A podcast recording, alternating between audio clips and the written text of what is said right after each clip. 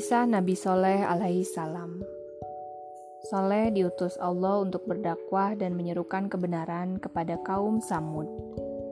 Soleh sendiri masih ada hubungan saudara dengan Samud, sama-sama keturunan Sam bin Nuh.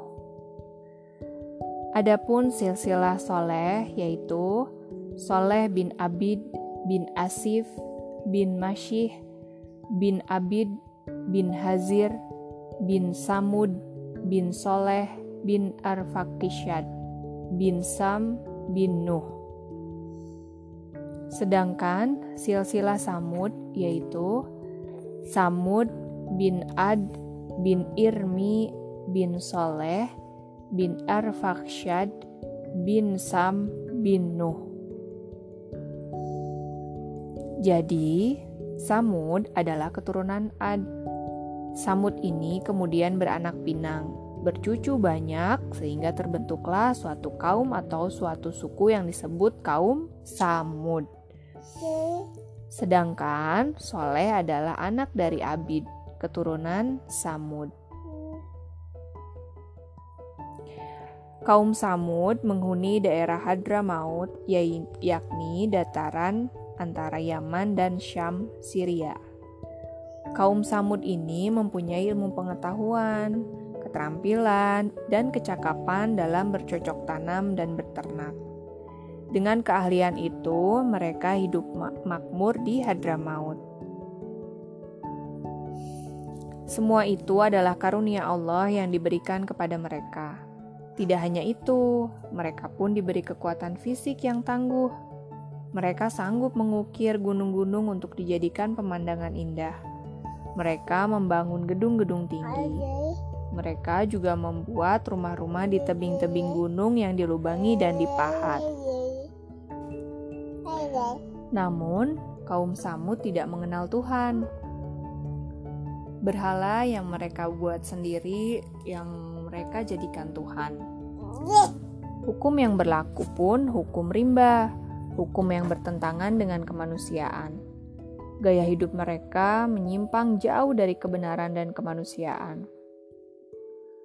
Orang-orang kaya hidup berfoya-foya, bermabuk-mabukan, berzina, dan lain-lain. Perampokan terjadi di sana-sini. Penganiayaan dan perbuatan zolim dapat dijumpai setiap hari. Orang yang lemah menjadi budak dan diperlakukan tidak manusiawi. Kemudian, Allah mengutus Soleh kepada kaum Samud. Nabi Soleh berkata, Wahai saudaraku kaum Samud, kebiasaanmu menyembah berhala itu sangat keliru. Sesungguhnya, Tuhan yang wajib kalian sembah adalah Allah. Hai Soleh, siapakah Allah itu? Tanya salah seorang di antara mereka.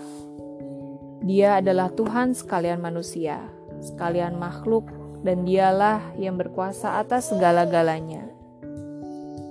Dialah tempat meminta ampunan, tempat memohon pertolongan dari kesulitan, kata Nabi Soleh menjelaskan. Coba tunjukkan di mana Tuhanmu. Bagaimana wujudnya? Apakah sama dengan Tuhan-Tuhan kami? Masya Allah, kalian sungguh keterlaluan. Kalian tidak akan mampu melihat wujud Allah, jawab Nabi Soleh. Pembual, omong kosong kau, hai Soleh. Aku tidak mempercayai omonganmu sedikit pun sebelum kau menunjukkan bukti. Mukjizatmu kepada kami, tunjukkanlah bukti-bukti kehebatanmu sebagai nabi utusan Tuhanmu itu. Baru kami akan mempercayai dan mem mengikutimu. Kata orang-orang Samud. Dialog ini diterangkan di dalam Al-Quran surat Hud ayat 6162. Kaum Samud tidak menghiraukan perkataan Nabi Soleh mereka bahkan menganggap Nabi Soleh gila, terkena sihir atau kerasukan setan sehingga omongannya ngawur. Mereka hanya akan percaya bila Nabi Soleh bisa menunjukkan tanda-tanda kenabiannya. Maka Nabi Soleh pun memohon kepada Allah untuk memberikan mukjizat. Saat itu pula, Allah memerintahkan Nabi Soleh untuk memukulkan tangannya ke atas permukaan batu yang ada di depannya. Setelah Nabi Soleh melakukannya, muncullah unta yang gemuk, besar, dan bagus. Tentu saja, kandungan susunya juga banyak. Orang-orang Samud terperanjat semuanya. Saking herannya, mereka bergumam bagaikan suara lebah. Nabi Soleh lalu berkata kepada kaumnya, "Hai kaumku, inilah tanda bahwa aku adalah nabi pesuruh Allah." Sembahlah Allah dan tinggalkanlah berhala-berhala itu. Kalian jangan mengganggu unta ajaib ini. Binatang ini perlu minum sebagaimana kalian minum. Jika kalian menginginkan susunya, silakan memerahnya, kata Nabi Soleh menerangkan. Kisah tentang unta ajaib ini ada di dalam Al-Quran surah Ash-Shura ayat 155-159. Sejak awal, Nabi Soleh telah memperingatkan kaum Samud. Mereka dilarang mengganggu unta itu, apalagi membunuhnya. Sebab unta itu bukan sembarangan unta, melainkan mukjizat dari Allah. Jika sampai ada yang membunuhnya, dikhawatirkan Allah akan murka. Sejak saat itulah sang unta berkeliaran dia berpindah-pindah tempat di mana pun dia suka. Setiap hari, orang-orang antri untuk mendapatkan susunya. Anehnya, susu unta itu keluar terus walaupun banyak orang yang memerahnya. Dengan hadirnya unta itu, sebagian dari mereka merasa senang. Hal ini karena mereka bisa mendapatkan susu setiap hari. Namun demikian, Diam-diam, ternyata ada beberapa orang yang sangat tidak menyukai kehadiran unta ajaib itu. Mereka adalah orang-orang yang sudah lama tidak menyukai Nabi Soleh. Pada suatu malam, mereka berunding untuk membunuh unta tersebut. Mereka khawatir jika unta itu dibiarkan terus hidup, akan semakin banyak orang yang beriman dan mengikuti Nabi Soleh. Akhirnya, Para pemimpin orang-orang kafir sepakat untuk melenyapkan unta Nabi Soleh. Kemudian, mereka menunjuk seorang pemuda berbadan kekar untuk melaksanakan tugas itu.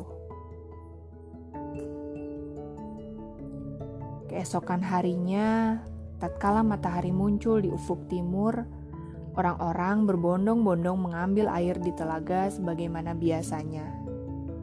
Setelah itu, para penduduk menyambut kedatangan unta.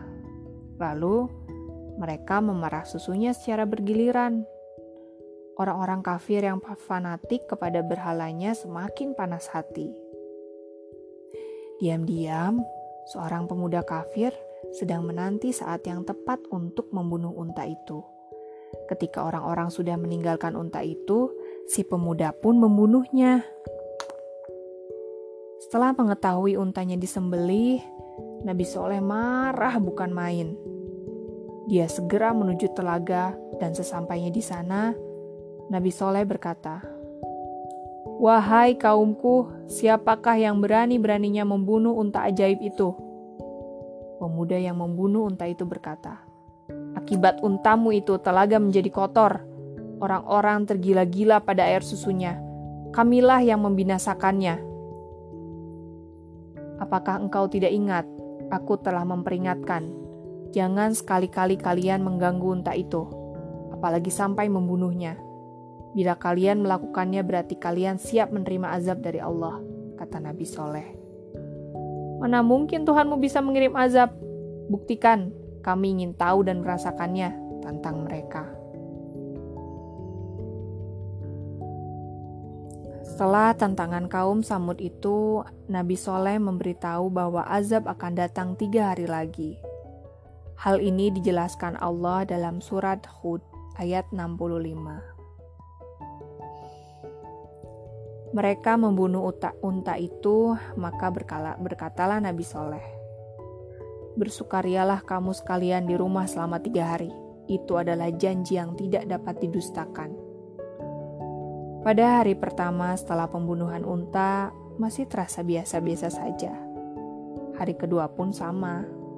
Akhirnya, pada hari ketiga, janji Allah datang. Langit menjadi gelap, orang-orang mulai panik, Sementara Nabi Soleh dan pengikutnya, orang-orang beriman, sudah pergi menyelamatkan diri. Petir pun menyambar orang-orang kafir. Al-Quran mengatakan, maka mereka berlaku angkuh terhadap perintah Tuhannya. Lalu mereka disambar petir sedang mereka melihatnya. Quran Surat Az-Zariyat ayat 44 Mereka juga diguncang gempa mereka pun mati di dalam rumah mereka. Allah berfirman, "Karena itu mereka ditimpa gempa, karena itu jadilah mereka mayat-mayat yang bergelimpangan di tempat tinggal mereka." Quran Surat Al-A'raf ayat 78